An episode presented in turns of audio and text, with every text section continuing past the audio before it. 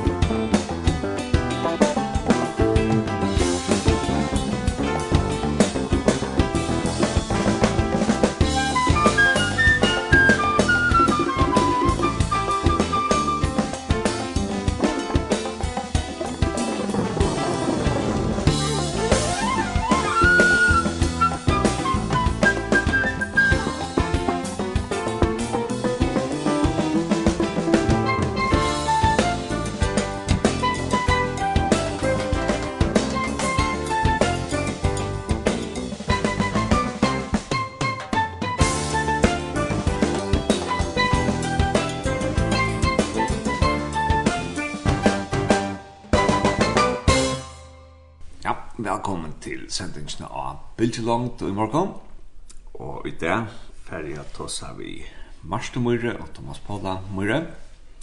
Og vi ferdig å snakke om at hei av Poskon i 2022 var det en tur av det som man kallar Camino de Santiago.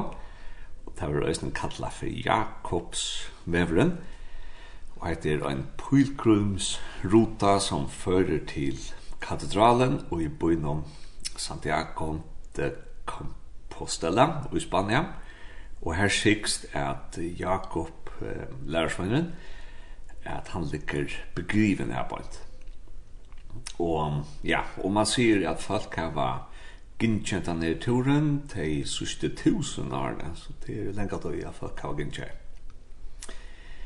Og ja, og innenfor katolisismen her, her rokna man hetta ner Jakobsvegen som ein av de trimon viktige pilgrimsrutene til Taiwan. Ein fyrir så til Rom og ein fyrir til Gravkirken av Jerusalem og den tredje til altså snær Jakobsvegen. Ja, og vi sitter her vi borger, og her er kaffe, og her er uiser, og bom, og alt mulig, sjokolade. Og ja, hvis vi kanskje skulle si iverørna Marstafest, hvis du skal si jeg som en setning et lakkost akkurat helt stort som du fikk på sjøret at gikk denne turen? Ja, det er nok så ringt at jeg skal si åtte ting. Yes, jeg har sett meg fire åren, jeg har kjøpt meg en bok om fem uh, kjærlige språk til bøtt. Og jeg har sett meg fire at vi skulle lukke som finne sin til morgen til hva for kjærlige smal vi tøtte familiene. Og Ehm um, så så ett som kanske är är att hända familjen kanske över eller hända ner här gångturen kanske över första kontakter samma som familja. Ehm uh, eller August och August så ett ett felax minne som vi har eh som så vi kunde ta vi och vi och så halt i ösnen att ta gänga en tur samman vi öllarna kom katolik och särliga och vi katolska kyrkor över giv mer østna en større innlit og en avviring fire eh tog maten om te leva sina kristna trygg på. Og til nek som kjenner seg på men hvor er den som skriver henne? Eh, til henne, ja, jeg vet hva. Det vet han ikke, han har dratt rast, det fem kærløks. Ja, og det er flere, ja, og det er flere varianter, nå kjøpte jeg en nødja variant på en tærne for oss det. Ja, ja, man kan få det. Og tog her nok snakk oppskott, og i gosse tog kan som vises kjærlig smalene, så vi hadde lukket som kvente er, så hadde vi listan i gosse, så det er fem deg er jinko, og så var det fem kjærlig språk, og så, så skulle vi vise, særlig enn dette, ta øyne kjærlig språk kvente det, og så lås vi liksom listan, gosse vi kunne vise det. Ja, ja Och där bara för att jag kommer att bevusst om kvart är vi komfortabel vi kvart är gläs vi om och kvart handlar vi inte är, är så komfortabel vi i familjen så ja. Ja, jag kan inte känna bara snära. Och man färdar bara till pör, till sintlar, till föräldrar och böten. Och... Ja. Ja, det är fem kärleksmålne. Tolv halv, hvis du skal se denne sånne stått iveskrift iver hva dette upplevelse, gautar, eller hva du minnes helgen, hva dette sånn? Ja, som jeg var da, eh tar ju till som Marsa säger och och för mig var det att jag fick trubbelaga vi vi förte någon det så att vi skulle gänka det var 125 km i vissa fem dagar så alla röja ta det har två var lever ta hej två stora flottar blörer eh ena kvar en fote så näst för så må man må jag ansa bättre efter någon kommer ja och så er det sånn at de var vekk och i fem dagar og ikke. Og jeg håper att vi skulle bare som snakke opp med jag om Det tar fem dagar men så takker i brorna uh, hur snacka kilometer er ikke det. Cirka. Ja, vi gick som sagt cirka 125 kilometer og i fem dagar og det var nok så akkurat uh, gaur 20 kilometer kvann dag. Onkel der var sinde mindre, onkel der var sinde mer.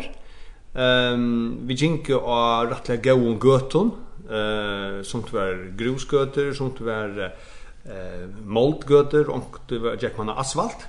Och det var öliga väl uppmärkt så till ankat så när man viltest det var det är så när kaminen hon är mest vi det har ett mest som en skäl Jakob skäl till hemma till Örnon så vi gick ja man kom få in någon göton och det var inte det var inte så bratt alltså vi gick eh kvön där så stiga vid halt det mesta där var det 900 meter men tar det bara upp och ner så sammanlagt in vid upp upp 900 meter. Taxta punkt halv upp ja 600 meter så så jag vill säga att det var en en, en länker länker så såna turer.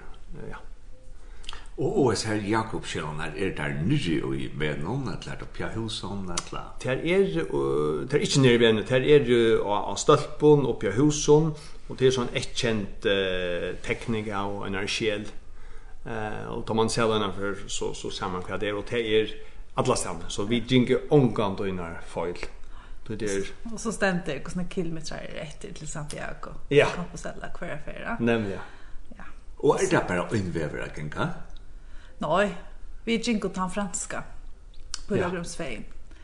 Så då häver tror er kjent av løyer. Ja. Nemlig, ja. Det är han det er han från Portugal som kommer mera sundan från nian etter. Och så är det han baskiska som kommer mera fram vid strandene fra Bilbao og Tanvein, og vi gikk så den franske hånd, så vi sender inn i landen og ganger så fra Frankarudje, og så sur om Pyrenee-fjødlene, og så vestretter i mot Santiago. Hvor valgte du den franska? Ehm, den franske er han som er mest brukter. Her gengar cirka 30% av dem som gengar gengar til franska. Og, og jeg har kannet til nok så vel av en føre, og så fikk vi da vite at for å få et offisielt dokument og på turen, så måtte vi genga minst 100, even 100, det var 120 km som man måtte genga. Og, og den franska rodan var det så at uh, man kunde gänga fem dagar så började man ju en steg som heter Sarja och så gick man 125 km. Tog gick vi till. Och och, och till äckla välluga som tillrättalagt folk som Marsa säger folk har gängt ända turen i, i tusen år och och och till nästa stö här man kan sova till nästa stö här man kan äta så till något så lätt att göra det. Och och tar man så gånger då till den här franska vägen.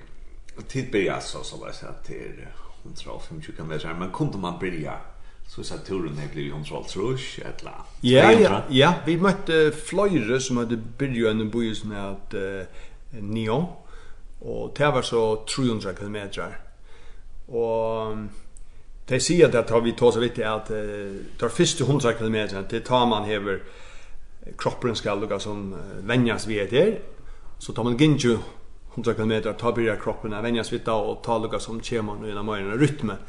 Så så vi tänker så att sista kan man säga att sista etapperna och så kan man gänga upp att det näck långt visst du färt helt in i Frankrike. Så gäng du uh, minns jag hur länge men men vi snackar om näck var 100 km. Så tickar fast att franska roten var bättre inne i Spanien.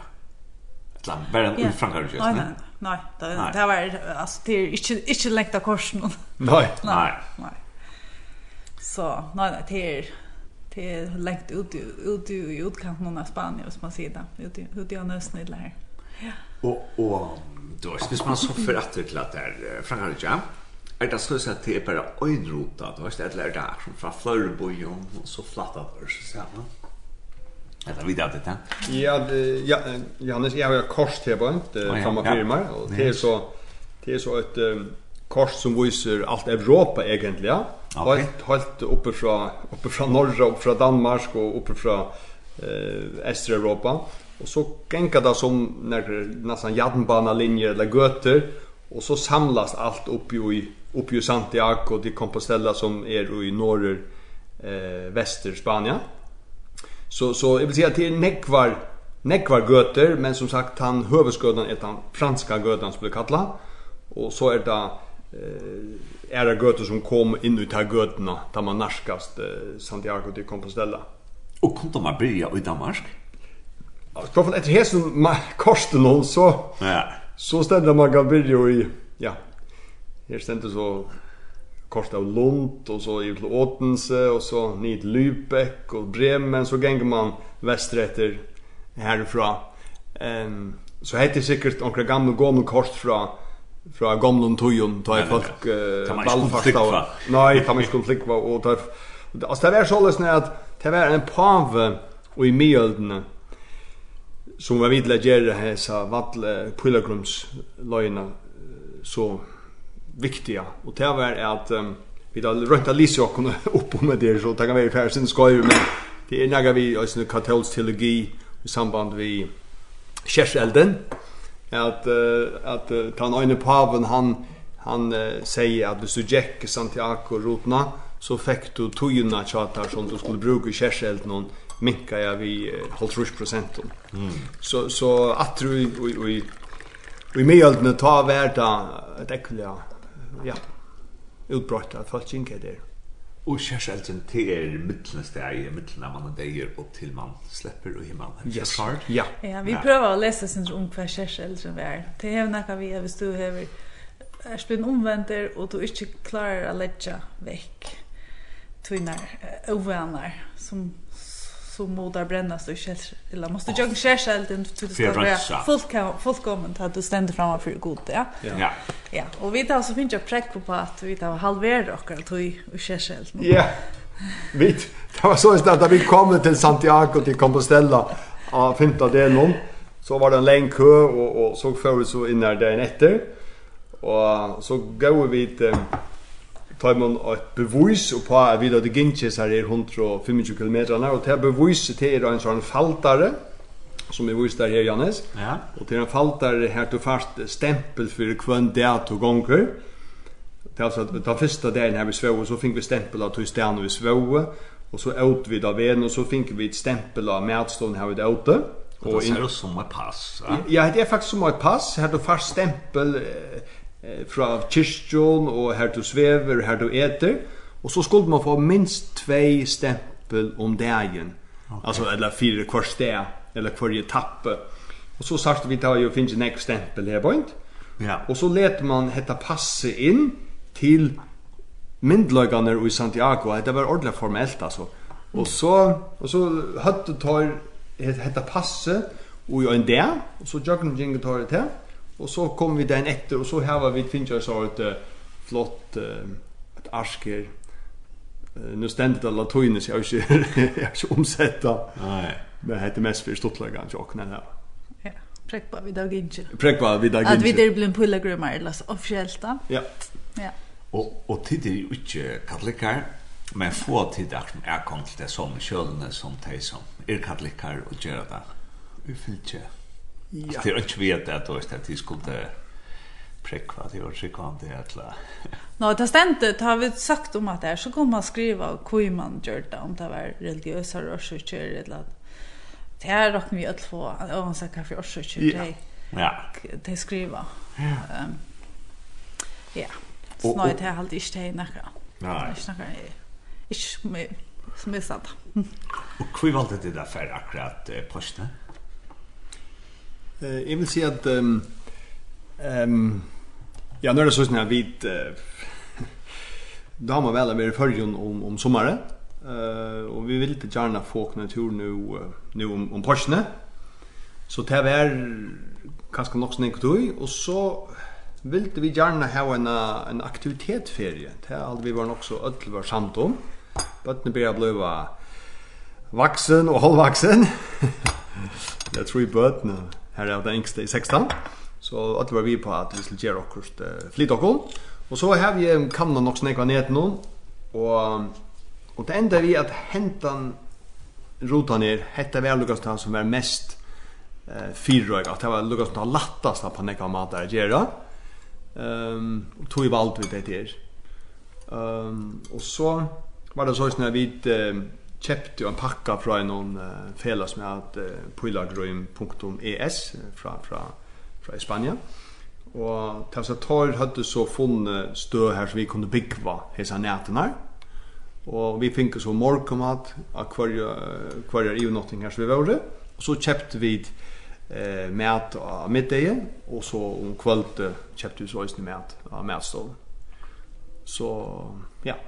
Och det hade vi valt till att vi det blev hetta det trekker ikke nyer at vi kom til uh, Santiago til Compostela av påsken, og, og katolikker tar gjerne på påsken, og til at oppleva eh, til han, ganske Marsta kan grøya nære for at det var, det var det største opplevelse, det som henter tjatøymen av, av påskon Ja, vi færa, som vi sier i fyrsten, at det er tåsvapen i Jøkken tar fem dagen, vi har alltid armen for vi er så færa vi det at det tar til land, og Thomas Palle, hvis du teker det første leie som to hun og alt. Ja, jeg, jeg, jeg lurt nekker etter at sinter imes hos jeg lurt til tonelage. Nu er det nok snakk Spotify, og sannast er det nok snakk under YouTube. Så er det at jeg arbeider og sitter i kontoret, og tar hjemme mulig om til at kåre tonelage og i sånne headphones. Ja Så en dama som heter Tasha Kops, henne dama ser vel. Og hun er nekka gav sanger, og en av dem heter Chainbreaker. Come on, use your key, use your key!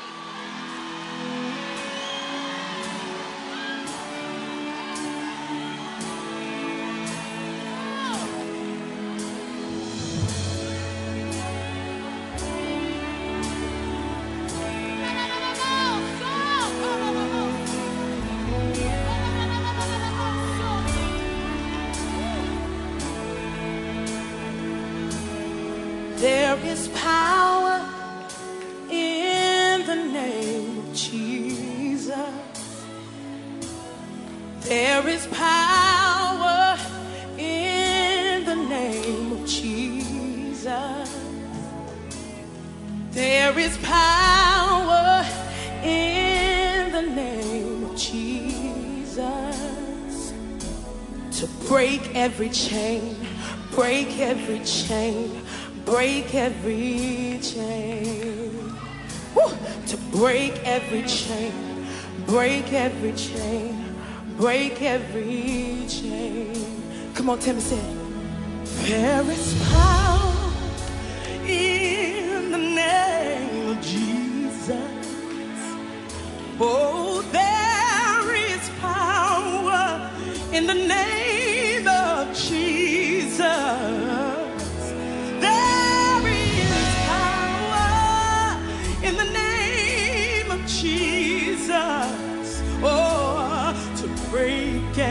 chain break every chain break every chain oh, oh break every chain to break every chain break every chain. Let's say there is power. There is power come on. in the name of Jesus. Come on you declare it. There is power in There is power. There is power. In the name. In the name of Jesus. We know where it is to break every. Break every chain. Break every chain. Break every chain. Come on, say it to me. Break every, break every chain. Break every chain. Break every chain. There's an all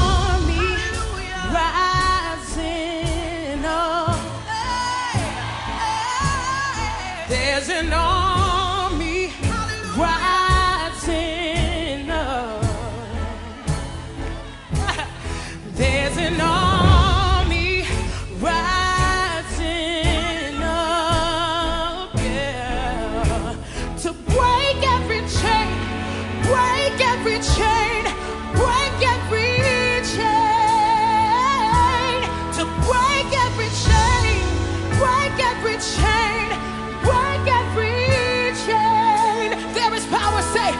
There is power Come on. in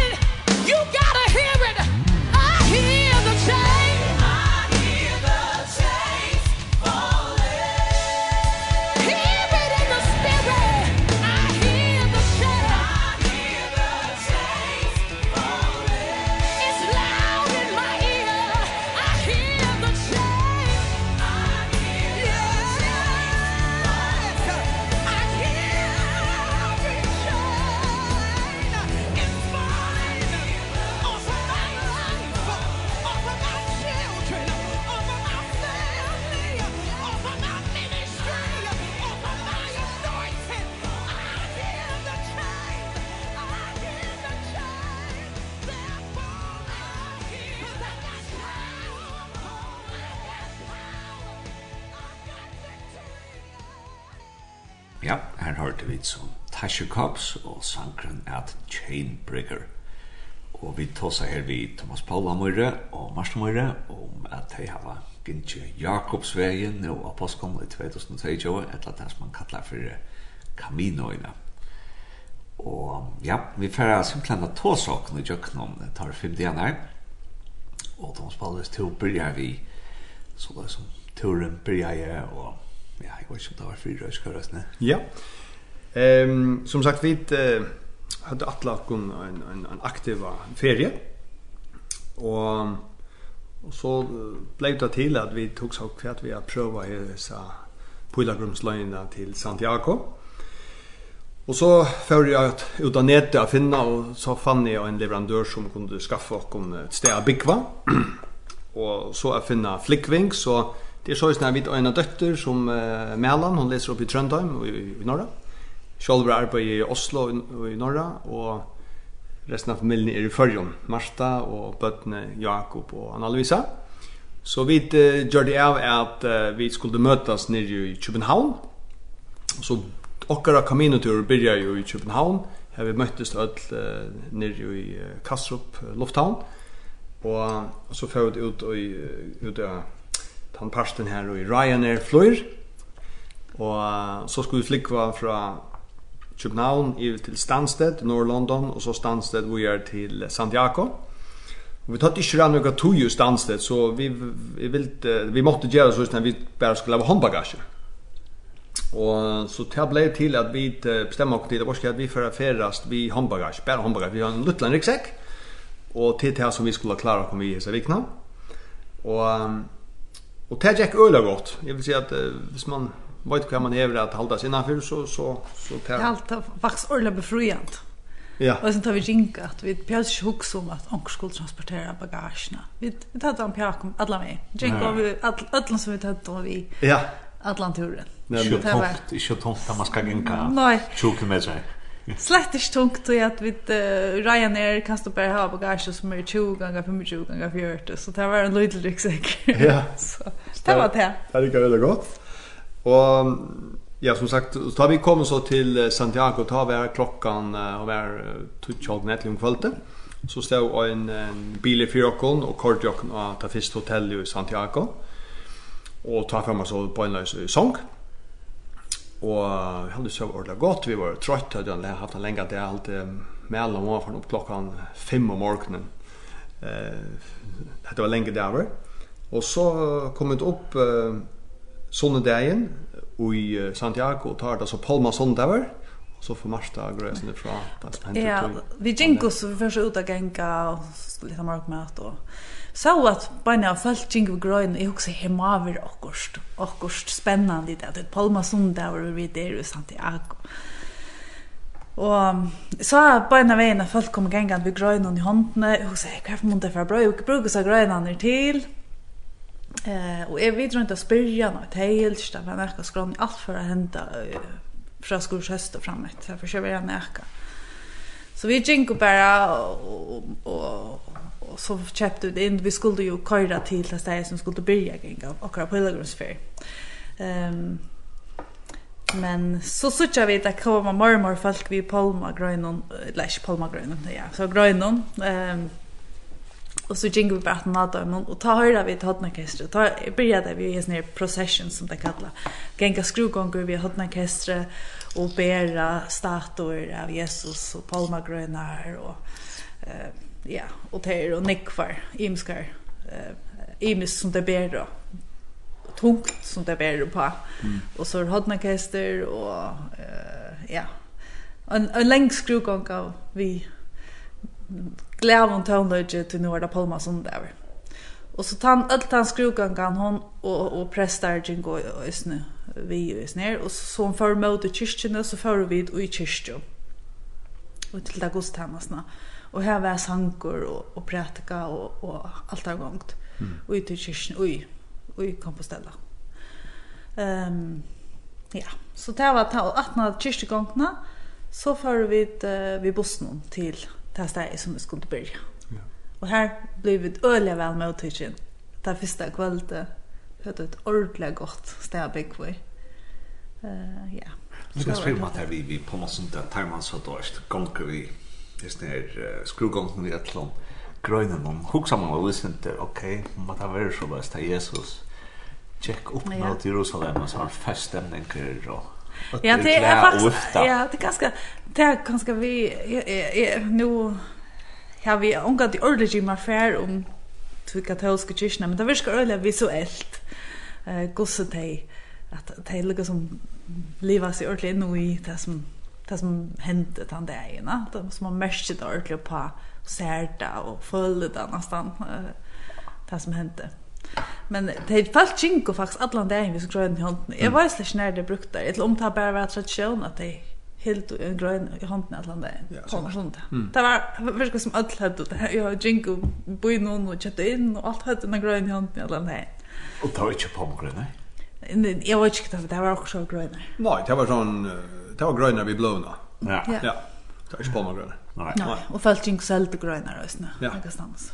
Ja. Ja.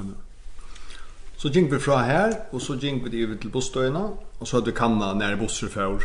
Så kort vi til buss fra Santiago til uh, en by som heter Saria, en, en stor bygd. Det var en, som sagt, en tur på, det tok en kål ut å køyre, men det var 120, 125 kilometer, så det var ikke så lengt, men vi stekket av Florestene, så det var, synes jeg snart, det tog en 30 timer å køyre til han busstøren så kom vi ut av kvölde till Sarja och här fick vi då ett dåligt ställe vi kvar och blev väl med tills här. Och vad är det här för det som man så ska vi kvar det då ett stött hotell eller det är en kloster eller Hetta var hetta var ett hotell. Ja, något så enkelt hotell. Enkelt hotell. Ehm, det logistiska house. Här som vi fick och ett två kömer samman och så kunde vi färra runt och här ute i kök och stå och utestäder för jag kunde själv och allt sånt. Det var, det var faktiskt det bästa stället vi bo där som så. Mm. mm. Um, ja, jag var ner kamin och stöv någon ja. hvis man sitter på tamatan. Så tar så vid du fast akkurat det som du vill ta va. Eh så du kan spikva av Vallarheim eh alla stjärnor. Uh, og til nek even slø at det er privat og også kommunal stø her du kan spikva. Og så kan du også bygge de finnes hotellene du kan forstille der. Så vi valgte å gjøre en blanding med den her. Vi ville gjerne prøve ja, jeg synes komfort ganske hotell og så ville vi også gjerne prøve Vadlarheim her du svever og sover selv Och teit litt så då ska jag vi bussen nu till det första stället möter man så långt i öron som ösnefärra och man snackar syndrom det skulle gänga ikke så lenge til. Altså, vi så att det var ånder som skulle färra. Vi snackade och vidt det. Nå var vi samma som familie. Och det är ganska och snacka som ganska är mer ideellt hvis man färdar en sån pilgrimstur att man kan är ensam alltid. Ta flöjor som sätter ta vän att ta fram mest på sjur. Ehm men men det är ganska annorlunda på kan man för efter ja men men vi så folk vi snackar och skvitta i man kan säga. Nej, inte något akkurat då. Den gör du sådana lojn. Mm. Och så är det till då ska komma att nu ska det börja och till komma så upphör det så finns jag till första stämplet från hotellet nånta. Ja. Ja. Första stämplet bouchna och visste att det skulle regna den första dagen. Och vi Det finns vinkel den går morgonmat. Ja, vi fick en ordentlig går morgonmat. Det var så hjärtaliga blöjs fälsna. Mm. Det det är ett annars öliga lilla i Spanien. Mm så ta en annan stö som vi tog till i Arden. Här fick man liksom ett toast och og en kopp av kaffe man måtte välja Og också bara okej okay, uh, vi vet litt en større stora og så kjenner jeg etter resten av den nästan det här var det som vi tog av. men uh, det er spanjoler ger om vars inte heller utan lite morgonmöte så sitter det der, synte synte mora eh det är så stora dörr om kvällen så det är lite morgonmöte flöjer för det jag kan förra pasten Mm. Ja. Ja, så Och så för man så då är det kan ja. Jag har bara för mig nu vet man man ska kan om tro för mycket kilometer. Och man har fyra gas man har flyg. Är det också synte vi spännande ju man för ut visst för man gånger. Jag huxar sentra vi måste nog inte alltså ett vi släcker för harst ut. Man är inte så över den nästa och vi tar och hur snäcka timmar klarar vi första dagen på att klara vi det att lägga som gänga det stittre än det som man förvant hattar eller ja. Men så måste jag för härst ut och ja, så vi jinko jinko kanske skjuta sen första dagen. Ja, ja just. Ja, men det var synter grått och synter vått har vi börjat va. Vi tar då regnslö vi tar det i ordentligt väl. Ja, det var ordentligt smart. Reklamera över Free Ike Bank alla vägen, så jag vet inte om tar mina slock slakon där ut. Skottakalla. Ja. Och så så gick vi och och ta snällt där vi snär regnsjön det det nämner tag jag av och så det var några el ta första dagen och att han el var också grov så så det nämnde att kolla regnsjön på och så så tatt natt och så tog man det. Och akkurat som Marsa säger vi alltid vid den första dagen ta hej inte fel av blur under fötterna så ta hej tjock som det och, och man är utkvilter och ja, kajra och Riga, ja, rigga det var tar. Allt man säger att man gänger om loj 5 km om tojman. Det är till något som mer. Det håller passa något så väl jag kan egentligen. Så första dagen så gänker vi ganska under 5 timmar. Och när blir det där gänga för så den? Det blir om 8 timmar det. Nej, det blir så fint. Det tar plus det så fint löst där. Det här var ju som tog som Europa, men det ligger rätt lägst där så så så är det samma på det eller löst och är är löst läkt ut av kvällte. till ordla också bara till förrjun, men nej. det är faktiskt Spanien, det är, är lätta av bästa leva. Så det blir kanske klockan halv tio? Ja, halv vi blir som halv tio allt nästa dag. Och det är faktiskt en höjlig arbetsdag att gänga. Så kommer vi mal om, om tror du att vi tar en liten paus och ganska ångst till en, en, en lunch ångstans. Mm. Och ett man tar när matstov, eller man ja. packar vi? Nej, ett en mätstov. Vi mm. kunde säkert med packar vi men här är det är så gott till på alla ställen så vi tar ryggsäckar vid alla och så här. Några särskilt att bära på så tar vi lugga vattflaska och mm. ja, annars så det är man det är ju så där svänker alltid. Jag vet inte alltid. No, vi tar då en banan vid uppskört och ja. vatten och så sätter vi dem med stångstans. Ja. Mm. Men mm. men hvis man är vilja till han så är det inte några trubbel inte. Ja. Så kunde man du uh, satt naturen och ta bo vid då Vattlerheim och så så här var det fotla köker. Så här man välkomna Bägers om kvalte, som vi gjør det. og så var vi også kunnet gjøre seg morgen med, gjøre seg en medpakka til till det nätter. Ja. Det var aldrig visst inte göra men men till till till fullt möjligt för två. Det är den kvar man själv kan bestämma. Ja, det blir ordla väl att göra det ordla bulja och och och att äta äta och som mest då är är det ju rättliga bult. Och i ochkara förstand så. Ja. Illa ut det som man kan kaska betala för McDonald's är jag och det här första och en fina måltider nere för. Ehm och det tar kostar mindre än det. Så det gänga, det gänga om där fem timmar nu klockan kan skapa det väl. Kan det hon tro jag ett laxard? Mhm. Och så det kom till här som till det det kom. Ja. Så kom på plats och ta är man med över på någon ordla ta bänkar på en ta man kör på plats. Mm. Ehm men det är ju problem att gänga men men det tar så stort, kaska tar så stort 5 km. Mest ölen jag vid axeln. Ikke sånn jeg først noe, men Axel måtte spent i alle sånne som jeg kanskje til henne ryggsekken og så, men han var ikke tunker. Men da blir det synes jeg snart at man, ja, tog så, ok, nå skal jeg klare fem kilometer, men det var ikke rikt, det var, det var. Og, og hva er det så for uh, slag av? Ja, soveplasser som de kommer til, tar man av en omlag klokken tror jeg, det er et hotell, eller hva pleier jeg med, eller? Det er et vadlerheim i Porto Marin, ehm Og det var et rettelig nytt Valderheim. Det var nesten spilt nytt, det sa jo som spilt nytt. Mm -hmm. Og vi svøv så i en sovesal her, da svøv vi alltid, hvis minnes rett, tølv folk. Her vi var så fem. Og her var rønt, og, og som sagt, det var spilt nytt, og det var rønt og rottligt, og vi fikk oss så nytt um, sånne klæger, og, og kodda vår, og så var det teppe. Det var sint som man bygg var bare norrønne, eller akkurat, så a lekkert rønt og pent og mm. og og goa senker og ja. og, og det er han vill til det ordentlig godt. Og det er en spesiell bygd, eller bojer, ja, det var en bygd. Uh, ja, det er bygd, ja. Ja, og bygd å komme til, det var akkurat som har ha bare bygd til kaminoturen Uh, og alt var nok så nytt, så det var sånn der, jeg vet ikke om jeg fikk så hørt. Uh, det var kask, altså det var, Kanske inte så äkta akkurat han byggde bygden eller ett men hon var öla pen. Ja. Jag synte som en fjälla byggd i Schweiz eller också han han byggde Mm. Men det var tog jag till det Hon blev flott. Hon bygden blev flott tog på grund av eh dämningen just ja. det gjorde som gjorde att den gamla bygden för under vattnet. Nämligen. Så flott då då äldre byggningar här är en kyrka från R1000 som vi var ju godstans eh, tack vare till Portamarin. Ehm mm. um, Så det var en sån bygg som var blivit flott. Ja. Här då det mesta var nytta från allt det var från Truschen. Men där byggdes vi bor i han som spelade nytt. Så så det kommer kanske den i kameran klockan 4 och 5 och kanske är det så.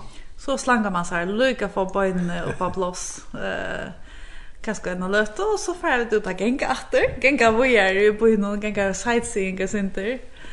Eh ja, och så hade vi ett så spalte vi ett kors och Eh, och så köpte vi några frukter och det där var ju felaskök och isner. Ehm. Där vi kom vadla Så så var vi då man är och så ehm så hade vi det så vart hon alla och här. Ja. Här vi att du skor frukter ner och spalt korst och prata och sen om dagen och prata om ehm um, eh om vi ser Charles Mallen och jag och och förskäl så hört och så för vi så lätt ut och nå sova något vi det dåt och ut där kväll vi dåt ut där kväll det oss ja. Ja det gjorde vi faktisk kvar kväll vi dåt ut och så kom ja åtta ja.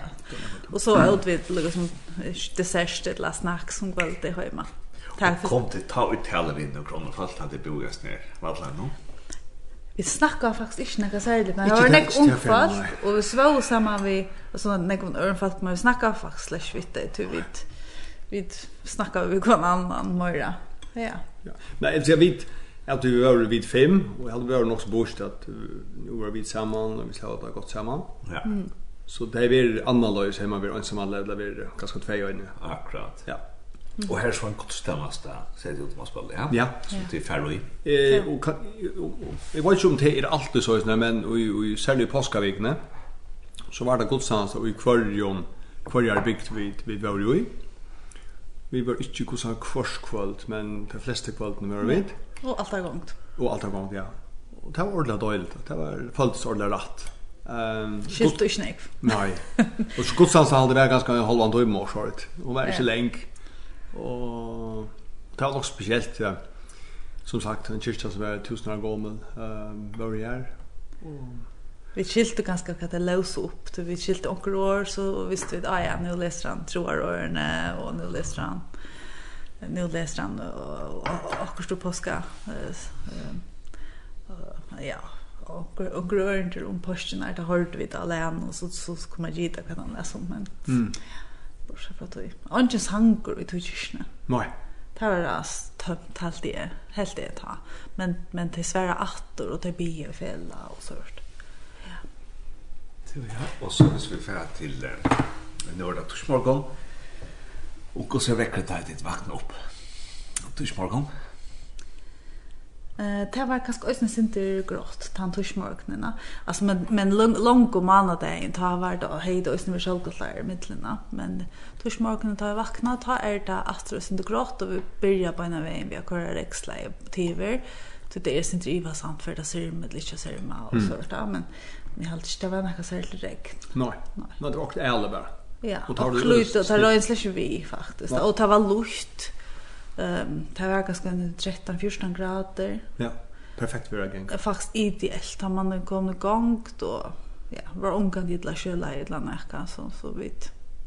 Det var super. Ja. Ja. Jinko här. Ehm um, Den nästa dagen vi tjockade kors ner till var 25 km vi tänkte den nästa dagen. Mm. Och Och så så gångten hon var det var den högsta plats vi kom upp på det var en hatt en topper som att var 220 meter. Och så det var sort rotland landskap, hvis man säger så just nu. Ja. Inte krevjante på några mata. Men tar vi börja norskast eh tog tre plats med Palais de Rey. Ta ta här finns ju blur så ta jag och halt den här ka öjligt. Men och ta vart det stadväck trusk med resta gänga. Ja, ta vart det gott ja, ja. Eller bara det. Ja. Ja. Så um, Men så kom vi til Palette Rey. Mm. Ta för vi ta du så boka och ett hotell. Och det var ordentligt läckert. Eh mm. uh, och inte då alltså ta hem ta första steg vi var alltså vi Port Marine. Här var det dåliga bruser så så vi fick bruser kvarskvalt. kväll. med vi bo i alla rum. Men eh uh, men nu då vi kommer till Palette Rey ta var det så dåligt hotell. Vi minns mm. vi för åtta läckert läckert läckert så egen sång och jag var som sagt också där till vi vi fötterna. Ehm um, och ta attrar. Ja, skylla på först. Skylla på först. Och och så tar man det kults och så för hitcha på. Ja. Och ta för vid uh, huxa vid nämligen att för kyrkan men så valde vi ta för ett akkurat ta i kyrkogång. Ta ta ta. Ja, det passar så så. Vi kommer ganska sen 17. Så vi kvult och och och hållt så för vi kanske skjut för en klockan tjej eller så då tar skundet de finna också det och tar kostnaden som är akkurat allt. Ja, ja. Och ja, vi gör sin sväng ta. Så. og hvis nu det rockar som kanske lust här också man gör turen. Hoppas att det er man skal fyrra gasse gott vi kan bon kanske ska om ha rett utgjør og så har det. Jag har läst Orland jag om det. Jeg har checkat meg en hiking ska kvar. Och jag helt det var ordentlig godt. Um, Og så har jeg kjøpt meg utlända sockar, altså tunnar utlända sockar. Det är jag köpt något av det så det hade vi det ødel. Hej, ja. Ja, det hej, ja. Jeg vet ikke vad jag brukte. Jo, du brukte något, ja. Ja, så og det har jag hört att det var ordentlig godt. Mm. Uh, så jag har det viktigaste er at man er uppe på en. Og så hadde, så har jag faktiskt bara rennbuxor och flörlöa Ja. Som jag kunde köra på och tacka av. Men det var inte så att det var tekniskt. Det var inte så att det måtte jag vara hiking. Alltså det, var, det flesta jink ville säga i vanliga lörskån. Gån lörskån. Att det är någon uh, hiking lörskån, som man säger det. Det hade jag fick uh, av foten Det var mest jag det var. Bytte den första dagen. Jag hejade kanske några små stöjnar i, i, i skålen i följde det. Där man bara stäcka och tacka det ut. Mm Og egentlig burde jeg kanskje haft uh, tejpat føttene på en måte. Jeg har vel inte til å få blør bort under ilene av bare føttene. og det er ikke først för henter. Og, det där. uh, hvis man er lintet lenger längre så så, så eller vitt man ans etter føttene så här och respektera det. Og det er är alltid viktigt. Man ska sitta och passera fötterna korskollt och Nå, jeg slik. är på og så. Det var slik ikke så. Nu jinker vi bare bara den sista tiden som man ska gänga för över på pilgrimer men eh och och ösne att väcker var blev så mycket luft att det är spyr på 20 grader. Alltså pjös man så ha så jävla högt klär helter.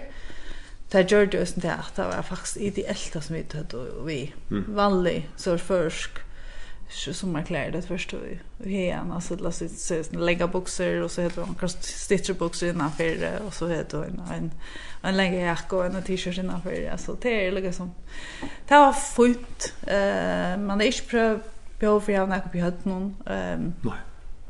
Eh och ehm ja.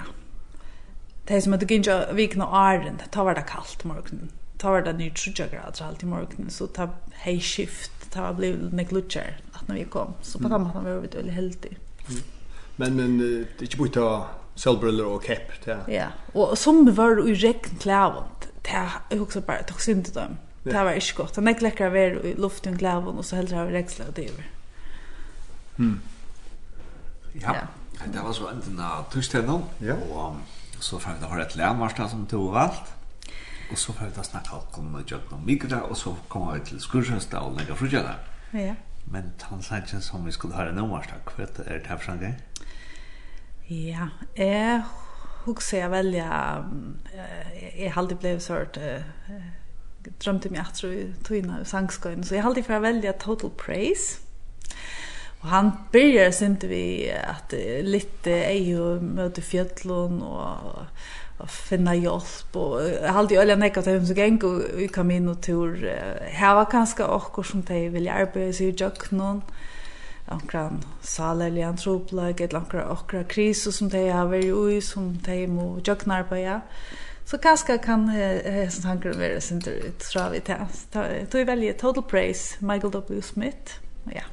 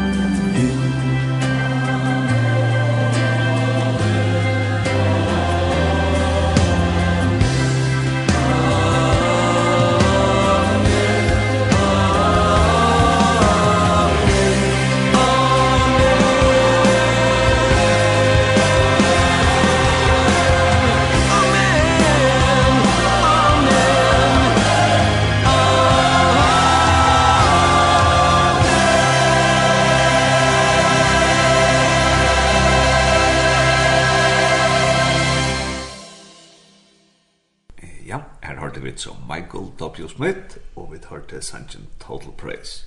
Og jeg sitter her vi Marste og Thomas Paula Møyre, og de har vært i en tur sammen med Trimobøtten og Tjatamun, som er, ja, vaksen kan vi sige.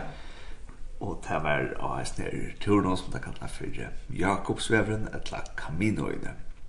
Og vi tar var snakka om jøkken om tar første djener, og nå er vi kom, kommet til tria der i Tjatamun, og Og hetta var en sinter sellit av for det Thomas Paul, ja, tre dagar. Ja. Det var en av de døde, skulle genka nok lengt. Jo, vi skulle genka 80 km til han der inn.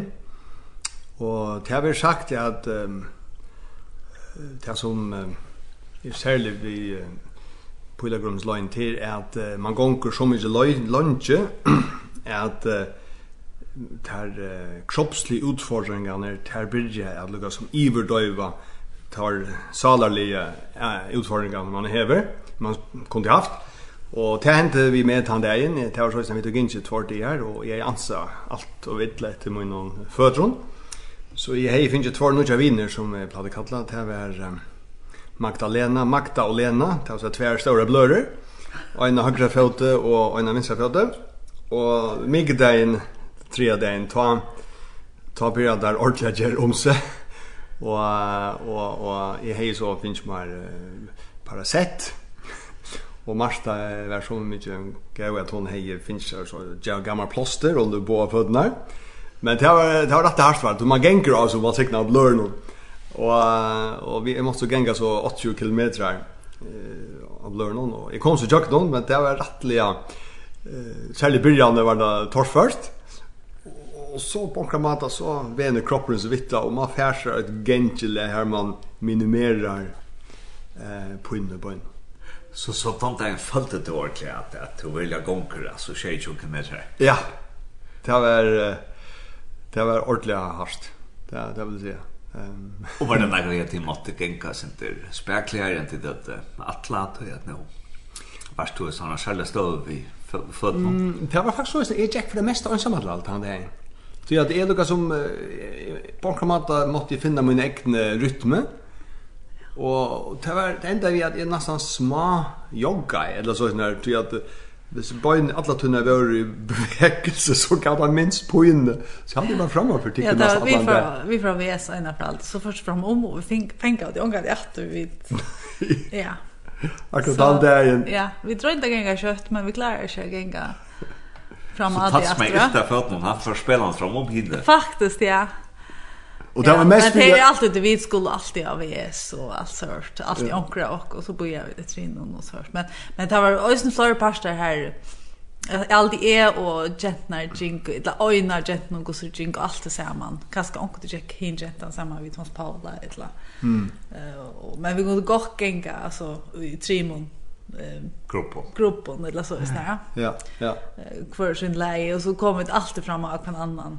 Men akkurat han där kom det att fram att vi tvilltes öll så vi fyra och så men så kunde vi inte för det tog jag det hejda jag är snägg att se han där måste bara kom jag ta kom vi faktiskt till en ostaboy ja? Ja. Som heter Arsua. Ja. Mm. Här var det mer fløyre kur eller fløyre neid, enn en folk. Ja. Han kjente for at det framløy ost. Och den parten som man gånger i hesen parten i Spanien. Jag googlar under turen Det er bygder som är er, eh, nog så avfankar egentligen. Så det vill säga att här bor vi tog i byn här bor 3500 folk och för bort att när krutchet där bor i 2000 folk så så det sa man ganska i sin sintra att, att ja. Mm. Ehm hade ju svårt för låt mig säga så sårda blomster uppåt det och så och kaminen egentligen. Så var ölen ekve hus här man kunde neck gisting hus och och sort hostels och sånt ja. så det ville gå för det ekonomin. Och ta med sig till få tant där är det så. Neck business är Osnan som det säljer. Kan vara vi av där för vi faktiskt i en handel att köpa. Ja, nej men ja. Vi köpte och kom bara liter där salater och och det var så jävla läckert väder. Ja. Alltså solen var ordentligt kom fram och det blev 20 grader och ordentligt läckert och vi sett och om i en parsk eller ja så står att att äta att det som du köpte i handeln till tvax det var ordentligt läckert. Ja. ja. Frukter och ja, ja salat och salat och sånt, ja. Då är vi tagit haft säkert en lunch. Ja. Vi hade ätit en lunch samman den dagen. Passar. Som var höjter eller så. Så det körde jag på ihop för ett sånt bält. Ja. Ja, och så tar man stäcker ju och äter förskilda stans. Så får man ju mer stämpel i så bouchna. Så kan man stäcka in en kyrkje, och så får man stämpla kyrkjen i bouchna. Och så, så är det snart man fyller sig bouchna på. Mm. Ja. Så tror jag sen lyssnar till att det nu är ett alldeles klart pass. Det är Thomas Wallis som, som lyst. Stötna en vanlig pass är att det är minne om hver man stäcka i och så Ja. ja, ja. akkurat. Och man skulle minst ha två pass, två stempel per dag. Och där runt vi så får komma det så finns ju.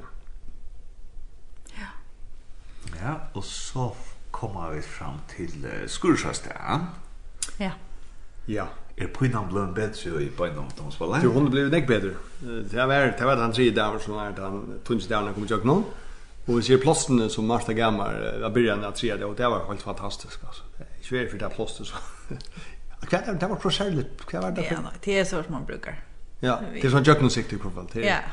Ja. Konstiga hur han. Jag har checkat mig nocka så jag vi för optation nu och en för oss där. Ja, ja, det störst anbefalla. Det gott här var så pjäser.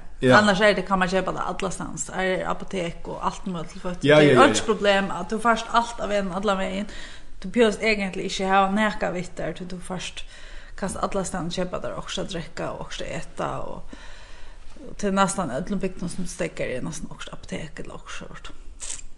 Ja. Ja.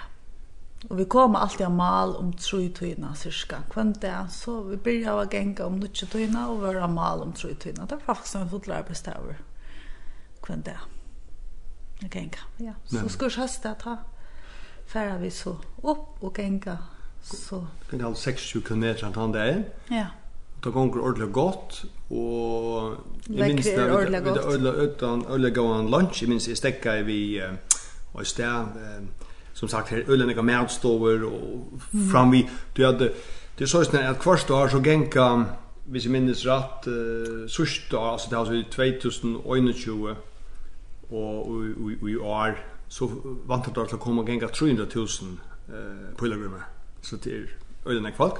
Det er nek mætstå som er tatt visse gøtna, Så her var det en som selte um, uh, bleksbrotter.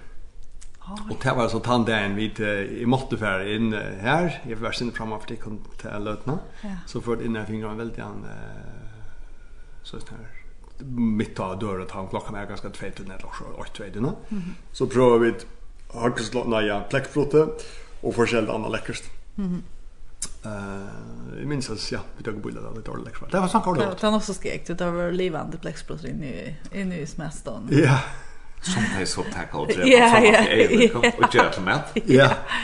Ja ja det var sånt festligt det var nog så nog så det är faktiskt en nationalrach alltid i två år ja. I Galicia. Så så tar så tar vi tar vi över bröd det norskast ända någon och i det någon tar så skulle hösta och skulle hösta ta svåvi så åter och och en någon vallarhemme och i en ställe som heter Opino. Och og och här det så som vi gjør en en Thailand över. Ja. Det vi det så heldigt vi har bud som då väl gör med. Så vi får köpa in och så gjorde vi først. Ja, vi valde först ett av desserten og æren vi gjorde dörren. Det var släkt väver, det var bækende sol och ordentligt högt och alltså nu var nu var det tar länge boxarna för när och och t-shirten kommer fram och allt det där. Ja. Så Så vi eh kjøpt og sjående jordbær, og størst og illata jordbær og banan og fløta og mjölk, og gjørt og ståra skal, vi tog, så såg ut utenfor jeg og til.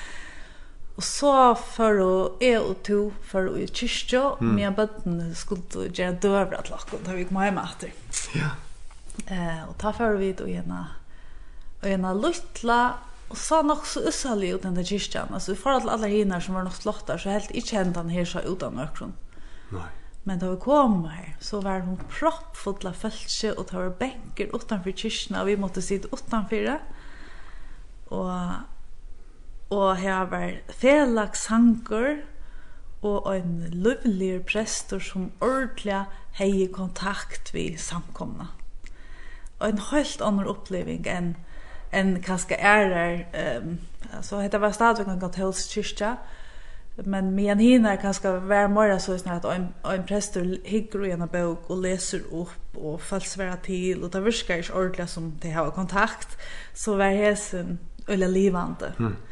och ta sig direkt att till folk och till flett och vi hört och jeg måtte, jeg måtte, jeg var så farvet, ni jeg sier, må jeg skilje hva han, hva han snakker om, til at Så jeg kørte telefonen fra, og kørte Google Translate mikrofonen fra, så tar jeg han helt telefonen opp mot mikrofonen som han snakket i. Og så kom tekster fram av telefonen, så vi skilte hva han snakket om. Mm. Uh, ja, så, og det var... Alltså han snackar ju om det mot kvällmåltiderna, men han tar sig nog snack om om etter vi at, vi att att det er viktig att vi eh det är vi att hur kan man kanske kan se det för som det brukar det vi att konfessa. Att det att det skrifta ja. Det är eh att att hur så viktigt det är vi att skrifta tas snacka en syndrom. Det så vi då är ordet att vi i ska tolka kyrkan här. Här folk skriftan jag ehm och och fick jag faktiskt fick faktiskt nog så större virring för tog alltså så väl at det er sikkert en tydninger mykjel parster og tørre troerløyve. Ja, og godt at jeg har noen anonyma som kan lort etter, men som ikke forteller hvor jeg er, og det kan på den måten si alt og få, få uh, korset alle byrene ur, ur kroppen på en eller annen måte.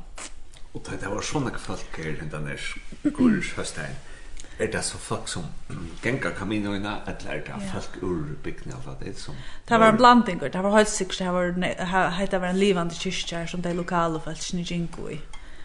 Ehm ta saman ordentligt tydligt men men ta i öllum kyrkjunum her som var av en her var kom inn og falsken for i kyrkja. Ehm um, Det som Jinko, av naturen, det var öllande større mån ung folk, ganska ung fast som ganska var som var en äldsta dotter jag och jag synte så hon där en jo synte två åldersperson var en ung fast som fylltost och jinko turen samman. Mm. Ja. Eh och men också familjer. Ehm Ja. Och en stackling nekro personer som jinko på en.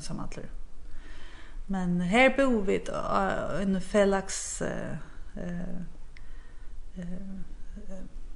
Vallarheim. Vallarheim, ja. Ja. ja.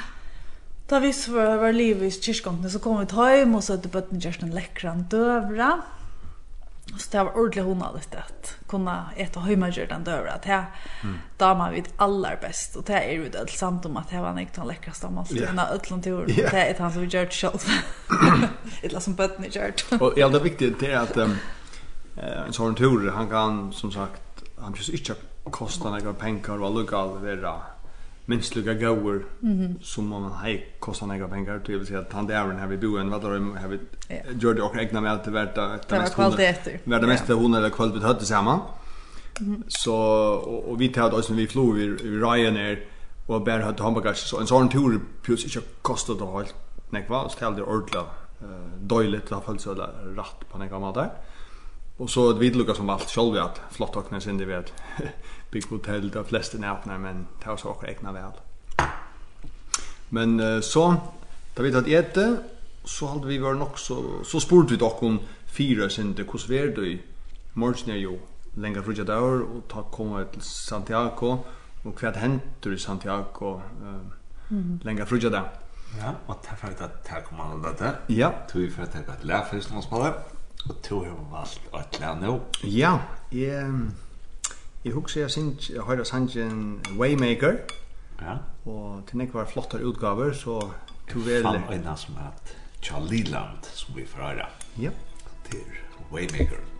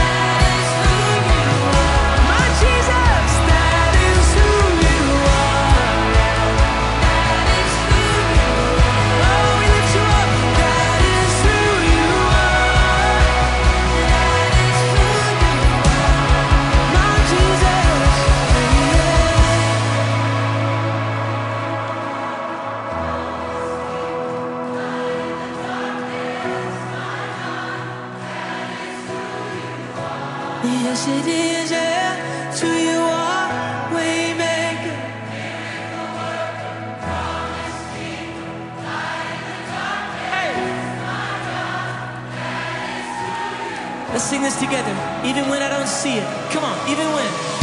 Even when I don't see it you're working. Even when I don't feel it you're working. You never stop you never stop working. You never stop you never stop working. come on. Even when I don't see it you're working. Even when I don't feel it you're working. You never stop you never stop working. You never stop you down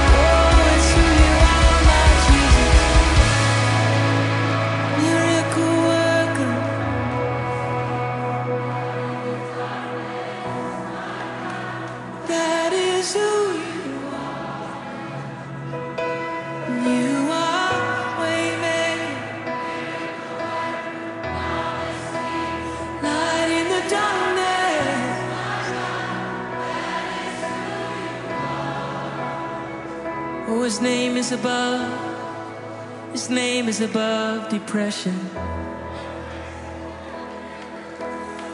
His name is above loneliness.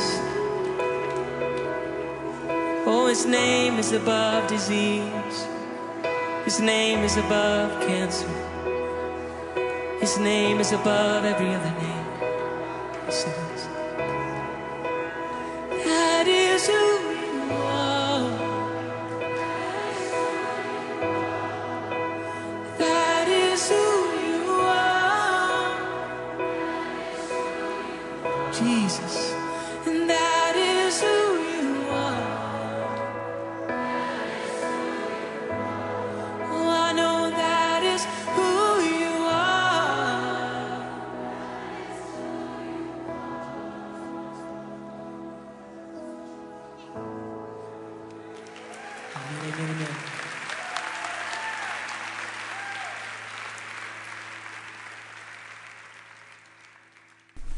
høyrte vi så Liland og sangren at Waymaker. Og vi sitter her er og Thomas Palmøyre og Marta Møyre og snakker om en tur av Paskon 2022 her til Gintje etter Caminoene og i Spania. Og vi er kommet fram til sørste datumfallet. Så ja. er det en selge dager, så nå er det lenge, lenge frugja dager. Lenge frugja dager. Det var sånn at uh, skulle høstkvøld så kanna vi hur vi skulle det dagen efter. Så fick jag vita till att eh i Santiago som är enda steg jag kunde komma längre från detta. Ta vart ta började hämta långt till skruvgångnar om dövra tog om tolvtunna. Så vi valde för Tullio Song, eh, skurs kvöld. Och så följt upp långt eh, klockan 6 om morgonen. Så det var den morgonen här vi för uh, först upp och for opp, og det var bøla svart, det var full fullmann i utanfor, det var nok spesielt, og sen det frukst, og så er det opp så tølja. så før vi uh, finnes jo okkom ork med, og det var ikke at vi vattler av her vi bo, men det var en kafé inne i bygdene, så vi gikk en 500 meter til Tastei, og så finnes jo okkom ork med, og som sagt, man kjørte makna og særlig bøttene, så sitter man her og færser eta, og så byrjar eh, ta sista turen som är små små 20 km det var faktiskt hans stitste tøyne vi ginge till Santiago. Og og ta første två timmar vi ginge ta var det rettelig mist men det var upplöst som sagt det var his stolparna vi vi Jakob Kjellin och ja. Så vi genga og og jeg vil si at det er rettelig nek folk som genga nu, altså man möter nog snägga folk ju alla nog spänt och och jag hade folk gick också kött och i mig all egentligen. Och veckor var öle gott. Jag hade vit hade valt uh, absolut det rötta kläderna. Vit gick ju stotta byxor och sommel och och så hade vi ganska en tunna jacka. Och så hade nu på dagen så för han i ryggsäcken gick ut här och i i t-shirt. Så jag var som gick här så vill säga att vi var det som hade de beste klærne tandagen og østen dagen fire. Eh vi tatt vi tatt fera så latt. Eh men vi kom også inn til Santiago byrja narska Santiago ta klokkan 11 så snar og minns vi fink jo akkon en en deilig pause oj oj bort utom Santiago finn jo Finns jo en kaffe, finns jo en lite etta. Churros. Churros, ja, det er sånn sjokolade og sånt. Og dipp i. Ja. Ja. Og... Lukas P. Teit tar det nu är det akkurat som det folk som kan helt till tog att man narska sant jag går ett eller tog till en fruja där var att näck vill in där att han där. Jag har alltid att huxa att jag skulle bli att jag gänga att han där. Ja. Ja. Tog dem tog man narska sant jag. Ja. Och det skulle vilja gärna vara inne klockan 12 och till den största skruvgången som är tant. till ta det gänga vid krossen. Mm lägga för det. Ja, och ta gänga vi krossen och adövra. Det gör det inte så om det. Det har i det har nekva skrogånger, jökna kan för det, men det är imskar, det är slags lika sånt 12 och och klockan 6 och klockan 8 och klockan 11 om kvällen till till flöjde imskar som man kan vara vid till alla och få imsk upplevelser kvar för. Mm, nämn ja. Det är sig akkurat då folk vill det vara klockan 12. Det är störst då. Ja. Ja. Och och vi kom så här Sindra klockan 12 in och at här eh torget som var på en framme for Santiago til Compostela katedralen. Och ta börjar man att höra i så här här skruvgångnar och sälja trommene som og och och, och blasarna ner. Ja, og så gäng gäng vi ett tog i ja. för att finna hur skruvgångarna är.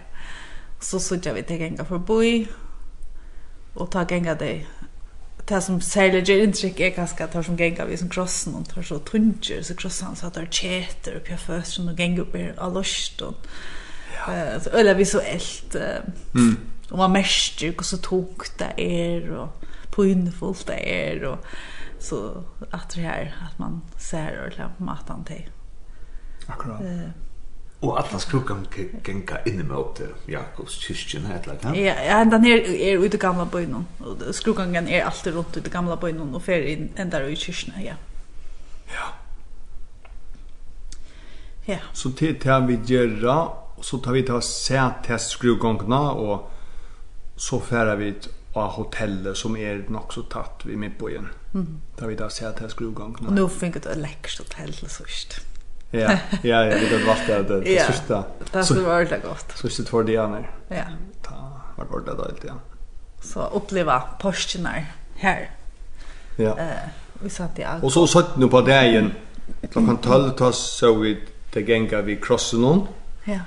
Och så satt nu på dagen så sa man att det gick vi en sån någon eh ja. Lampon och Lampon och en tomokrosse. Ja, Tom och Cross. Så det var det. Och det var väl syrligt. Mm. Eh, vi var ösn klockan 11 om kvällen, ha sent om kvällen. Ja. Ta jingle det syrje bona. Och och var det inte som jingle den där. Ja, och så var en baskar inte som jingle vi som sörståslör. Det syns ju hon det så is. Ja. Ja. Um, men men men vi vi vi kanskje tog det ikke ordentlig seriøst, men vi funnet alltid at he falschen her tog det ordla seriøst. Vi skulle ordla alle som. Hvordan visste du at det var ikke?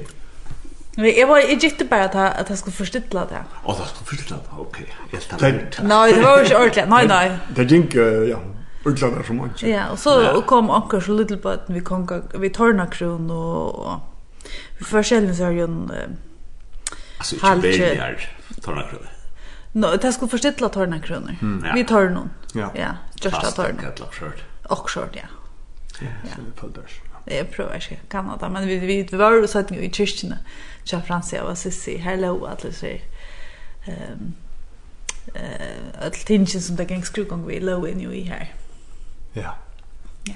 Var det såna. Och det var inte inte på att man upplever som man gång på pilgrimsfär är att hyra är någon. Det är bara särskilt att postur att du särskilt alla så här skrugångar. Var det knacka konstamaste. Länka för Nå, ikke inne i kyrkene, nei. Jeg hadde no. ikke lyst til å være nøkron. Det var jo ganske kostamastrer. Ja. Men ja, jeg halte man er med over, og så fer man inn til nøkron. Ja, ja vi fikk oss ikke kostamastrer. No. Vi så jo flere som skrugång nå. Ja. Ja, det så ikke det blir... Vi tøtte jo være jo i en her kostamast og ute i kyrkene. Um, Lenger for siden. Nå, jeg har sikkert på noen sånne. Ja. Og hørspresten, og, og tøtte å lese opp, og skilt ikke meg av det, men ja. Mm. Mm. Ja, og så er det at tid så en det natt, slik at det så leier det en vi er et eller er det? Nei, vi er et leier det øsne, og ta er det øsne skrugånger, syrge skrugånger, ta tjekk alt militære skrugånger, og syrge musikker, syndra har honalige musikker, um, og at det ser ønskjene eller så øsne. Ja, ja Og, og faktisk så det ut som alla politikerna ringo ösnet. Det så goss ut sorry. Ja. Statsmenn. Och Og så skrev så så at det var heter og så da vi kom hjem, så går det sjömars fra, så sa man sjömars bort i Atlanten fra skruvgången rundt om og i Spania. Så det er, öliga passioner er öliga stora där. Mm. Ehm. Så så vi så vi här sant ja tar vart där tar berre här här kostnadsir så statorna som har berre. Mm Og det var vi så, jeg ville mette var en 30 mann som bor hesa statuen og i gøtene. De må genka atler og i takt. Det er tungt, hva står det her, og tar bedre. Så det er rettelig, rettelig størstlig, og som Marsta sier, rettelig visuelt. Um, ja, så, og det skiftet det ut alt etter hva det er det, da. Mm skurs høste, lenga frutja det, og så leir det, og så paska det så, så ikke ta flod i tøy. Ja. Eller, ja så ja. Ja, så det var det var ett upplevelse så söka. Och ja. och avita imskar här är ju Nico kyrkor i Santiago som man kunde gänga in och hitta efter. Ja. Några kyrkor eller störstliga söka. Ehm um, eller flotte bojer. Ja. Alla bojeren är uh, UNESCO alltså han är en värvate bojer. Verkar bojer, att snäckva smälla trånga götter, stönsätta götter. Ehm um, och, och det var så fantastiskt väder så allt blev bara uppåt vackrare. Ja. Ja. Så det var ordentligt. Ordentligt. Ordentligt stort upplevelse. Ja. ja. Och vi får snacka sen bara om Irorna. Kan vi finna på sjön och kan det uppleva men eh vi det kom till eh, påska morgon och till första kan förra men tror jag valde en sankmarsta som yeah. passar pass, väl till eh, påska där. Ja, jag har alltid ett som till påska påska stämningar och is när kaminturen Jackon så må vi välja. Eh han lever, han lever, han lever i la Thomas Sjank, tja. Och kära kära vinne Hans Inge Fagervik. Eh som vi känner väl och vi tar botja honom och han är botja okkon och vi vann han kämple för er mycket länge tror jag ganska. Eh ja, så så vi vill er gärna höra höra han vi omkring eh backup kör.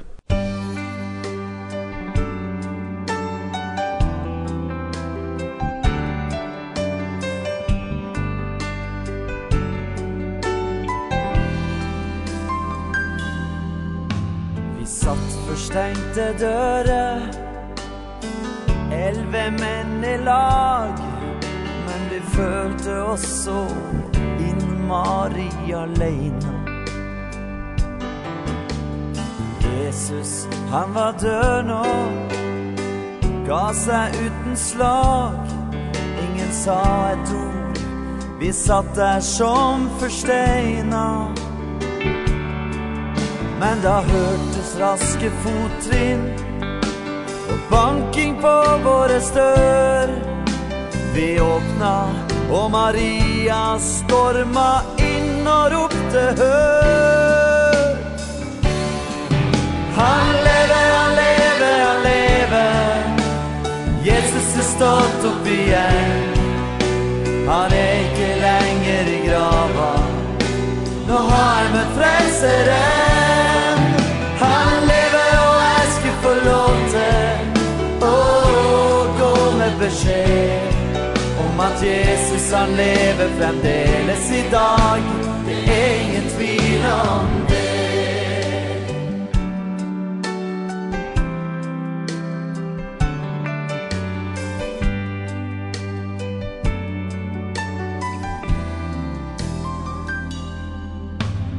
grava den var tom. Det var greit nok det Men oppstått. Nei, det var helt umulig. Jeg ville gjerne tro det Men jeg syns jeg måtte se. For det hele Det virka for utrolig Plutselig så sto han der Og sa Thomas, det er jo meg. Kom, kjenn på sårene mine Hvis det kan hjelpe deg.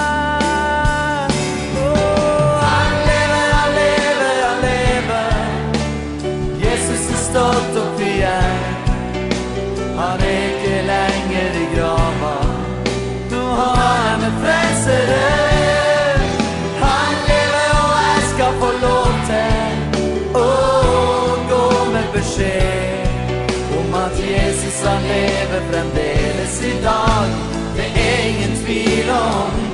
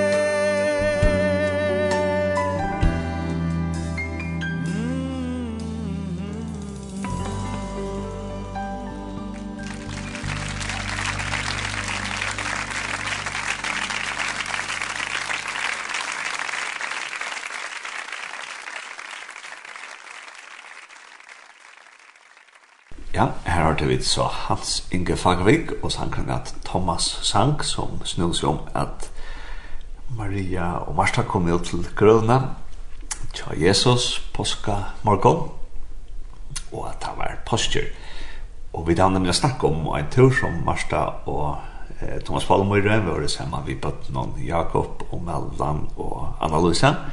Og Paskom for at jeg ikke El Camino.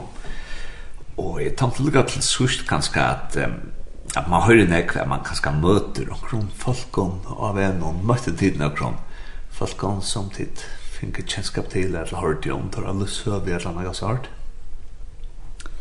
Vi møtte, vi, ja, vi møtte folkon mitt av og kanskje sinter til vilda litt, gos vi møtte, det kan være at att att vi var som familie så var vi kanske ikke lykke öppen för at möta øren och bara takke ner och men men allukka så kommer folk in och och her er det han øyne med avren Tos Paul han så raskt att tacka prat så tog kom vi prat vi han visste.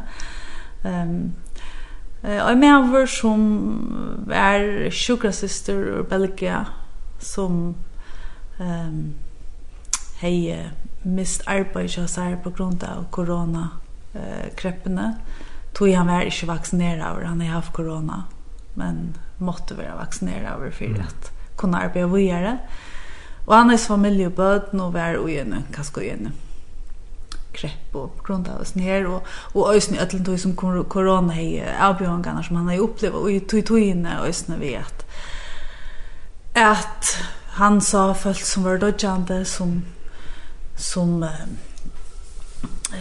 och, och som måste bli isolerade och han är ju snukt familjebär in jag back den när och be det till masknar ja och till hundarna och i snär fast som det åt det första och och men nu är han som är på chasar och och mått Jack så att ta länga turerna kom in och runt det lägga som man finner vad ska jag göra nu och prata så vi igen och det var det var nog så eh ramen til høyre hans og sove, og det gjør det også til at bare bøtten jo vidt ville det ganske gjerne bia for jo noen, og det gjør det også noe, jeg synes det mer, gjør det også noe, jeg synes det mer oppmerksom på at vi møter folk av vennom,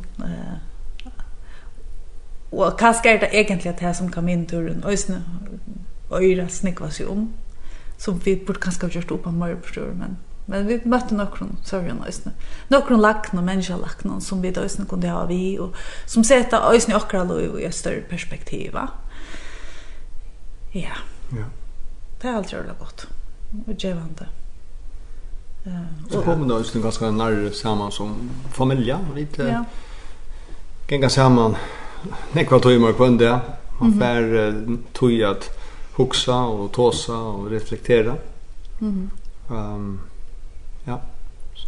Og om det är så egentligen kan ska snacka vi så ramek framma folk med tid av man finns ju gott older så som en familie, så ser man ikke folk som genka hetta ner turna Og, og jeg sier først med at, at det er några som katolikker har gjort eh i tusen år og for tej er det han øyne av tre monstoron pilgrimsrutan Da man så skonger, ser man som hon av aksjon, hver er katolikker og gjør dette som en ordentlig pilgrimsfer kan man säga torrare tror att det inte och för kanske mera turister eller är det mera så så att på kan man så tjocka lite ut hemma ganger ja det er så rett og lugga ut alltså men är så inte noen noen stora mål det vill inte se Kan du marsa? Nej, alltså vi nu var vi inte spanjorer men de aller flesta som drinkar snackar spansk. Mm. Så kanskje vi var det som var øvelse, men men det var några som som snackar om normal. Ja. Det var inte nek. Nej. Alla flest var spanjoler. Och, och, och, och nekv var de ung, ungdomar. Ja. Ja.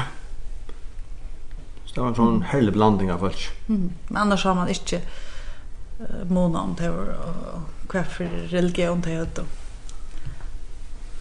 Um, men da man var sjönt att vara kyrkjene så sa man öliga mån. at de som bara katolikker, de eh krossa och fyra hand la för bröstet rättligt ofta jag kan gå stanna Det visste du man skulle göra. Ja, och vi visste ikke ordentlig hur vi skulle göra. Jag så hukt ett av dem. Alltså, och det var andre som var inte det näka. Så också, okej, det är noe som turister eller som vidt. ja. Och, och nu har vi sagt at tid som familj kommer nästa kvar kvarnören.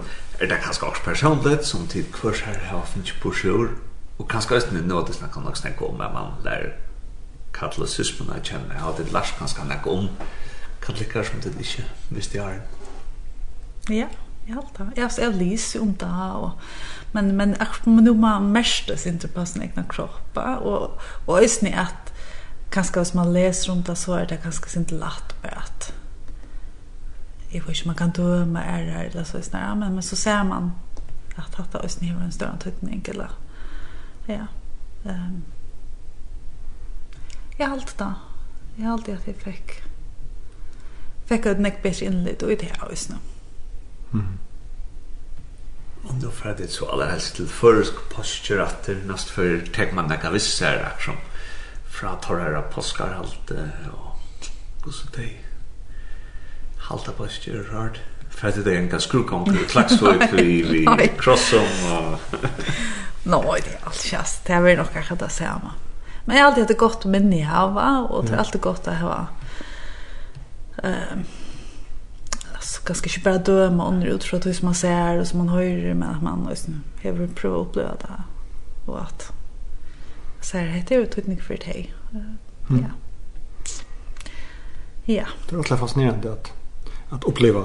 Ja. Torra mat att att, att Jag minns Porschen på och fira på Porschen på. Och ösen alltid det som är här huxen nu, nu tar vi liv och i norra London och nu har vi bor så i Ottalands förrjun är ständigt kristendomen och det störst än och centralt där men men tar man nu vi bo i norra och så ser man till att att det allmänna rummet håller så ordentligt eh höra Jesus och kristendom och, och så såg jag att i Spanien det så skönligt där att det att alltså att landet gånger skrugånger och sånt där och att Um, gott nog är det symboler och må kan kanske så at det er uh, sin skeptiska på hva det är men men i ødelen förrän så krekker man det så vi är vekk, og det er, det också är, er nog så störst att att alla går att det att man man tårer mm. ja. Ja. Ja. Att det är skönligt och i det allmänna rummet.